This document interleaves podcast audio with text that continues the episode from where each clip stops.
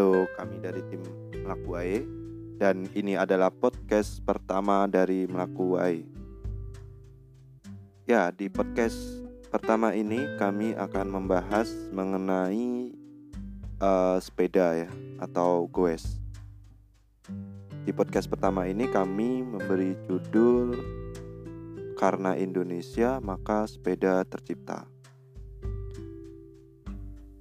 Oke, kita dengarkan saja podcast pertama dari Melakuai ini. Yuk. Oke, kita mulai. Seperti lagu Bicycle Race oleh Queen, bersepeda merupakan kegiatan yang menandakan adanya kebebasan diri, kebebasan berekspresi, kebebasan berpendapat, serta idealisme sebagai manusia merdeka. Sebagian besar manusia di muka bumi ini dipastikan pernah memiliki pengalaman dengan sepeda, apa pun bentuk dan jenis sepedanya, dan kegiatan bersepeda alias goes. Sehingga bisa dikatakan bahwa sepeda telah menemani dan mewarnai kehidupan serta kebudayaan masyarakat dunia itu sejak awal abad ke-19.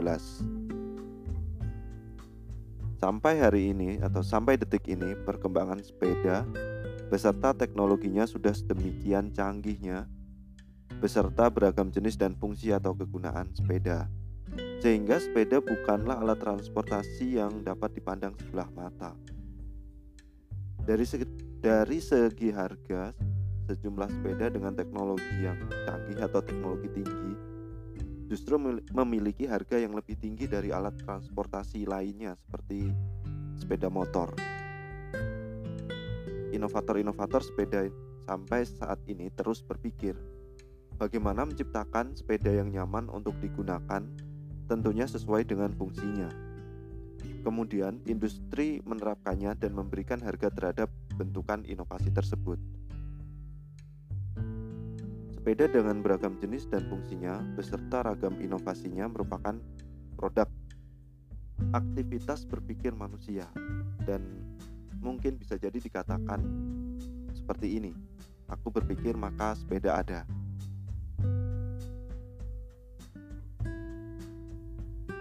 Bentuk sepeda sendiri ini diawali dari pemikiran von Drais pada tahun 1817-an dengan sebutan Draisian atau karyanya disebut Draisian di mana bentuk awal sepeda ini atau sepeda Draisian ini sangatlah tidak nyaman sebenarnya sebenarnya untuk digunakan bahkan untuk kegiatan sehari-hari. Padahal karya dari von Drais ini sebenarnya dimaksudkan untuk mempermudah pergerakan manusia. Karya Karya dari von Drais ini sebenarnya ada kaitannya dengan kondisi Indonesia pada saat itu, pada saat tahun 1817-an atau pada zaman kolonial, zaman Hindia Belanda. Di mana pada tahun 1815 terjadi erupsi Gunung Tambora di Nusa Tenggara Barat dan hasil dari erupsi tersebut adalah adanya penurunan suhu global akibat tertutupnya sebagian planet bumi oleh debu erupsi.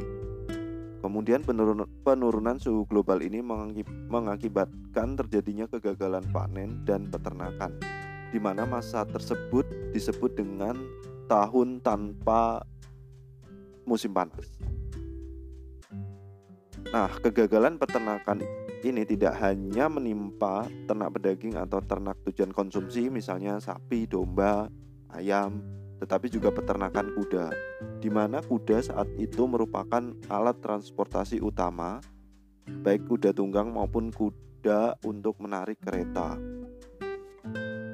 Adanya kegagalan peternakan kuda tersebut telah menyebabkan kelangkaan kuda di Eropa, sehingga Pondrais yang kebetulan juga memiliki hobi berkuda itu memulai memutar otaknya bagaimana untuk mengatasi kondisi tersebut.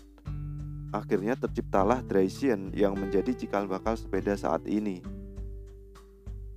Meskipun di referensi lain disebutkan bahwa Giovanni Fontana itu pernah membuat bentuk sepeda atau menyu, me, mendesain bentuk sepeda sederhana pada tahun 1418 serta Leonardo da Vinci juga pernah menyusun sketsa bentuk uh, bentuk seperti sepeda pada tahun 1493. Kemudian karya dari von Drais ini dikembangkan oleh inovator-inovator lainnya, katakanlah seperti Kirkpatrick Macmillan, kemudian Pierre Lallemand, Aim and Ren, Rene Olivier, Michaux, Eugene Mayer, James Starley, John Cam Starley, serta John Boyd Dunlop uh, perkembangan sepeda itu sebenarnya erat kaitannya dengan industri otomobil. Misalnya Charles Duria, Albert Pope, Alexander Winton ini mengawali industri sepeda sebelum bergerak di industri otomobil. Biasanya mereka um, mempunyai pabrik sepeda dulu, baru kemudian berubah ke pabrik otomotif atau otomobil. Serta pada waktu tersebut komponen sepeda itu juga diproduksi bersama dengan komponen otomobil.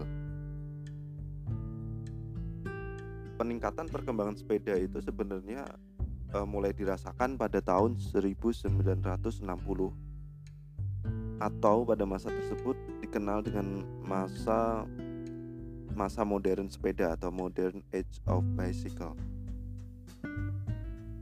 Kemudian bagaimana dengan kondisi bersepeda di Indonesia?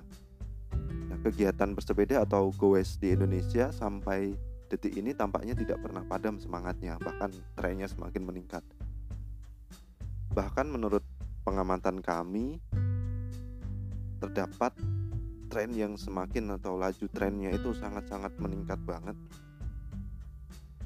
Kemudian apabila zaman dahulu itu tujuan orang memiliki sepeda itu adalah sebagai alat transportasi yang membantu mempermudah pergerakan, maka saat ini fungsi sepeda bertambah sebagai sarana olahraga dan juga penunjang gaya hidup. Namun yang perlu diperhatikan oleh semua pesepeda atau semua goeser ada dalam semangat bersepeda adalah atau supaya tetap tetap semangat dalam bersepeda adalah filosofinya di balik sepeda dan bersepeda di antaranya adalah Bersepeda ini menandakan adanya kebebasan berekspresi, kebebasan individu uh, dalam berekspresi, idealisme sebagai manusia merdeka, toleransi, serta kebugaran dan kesehatan.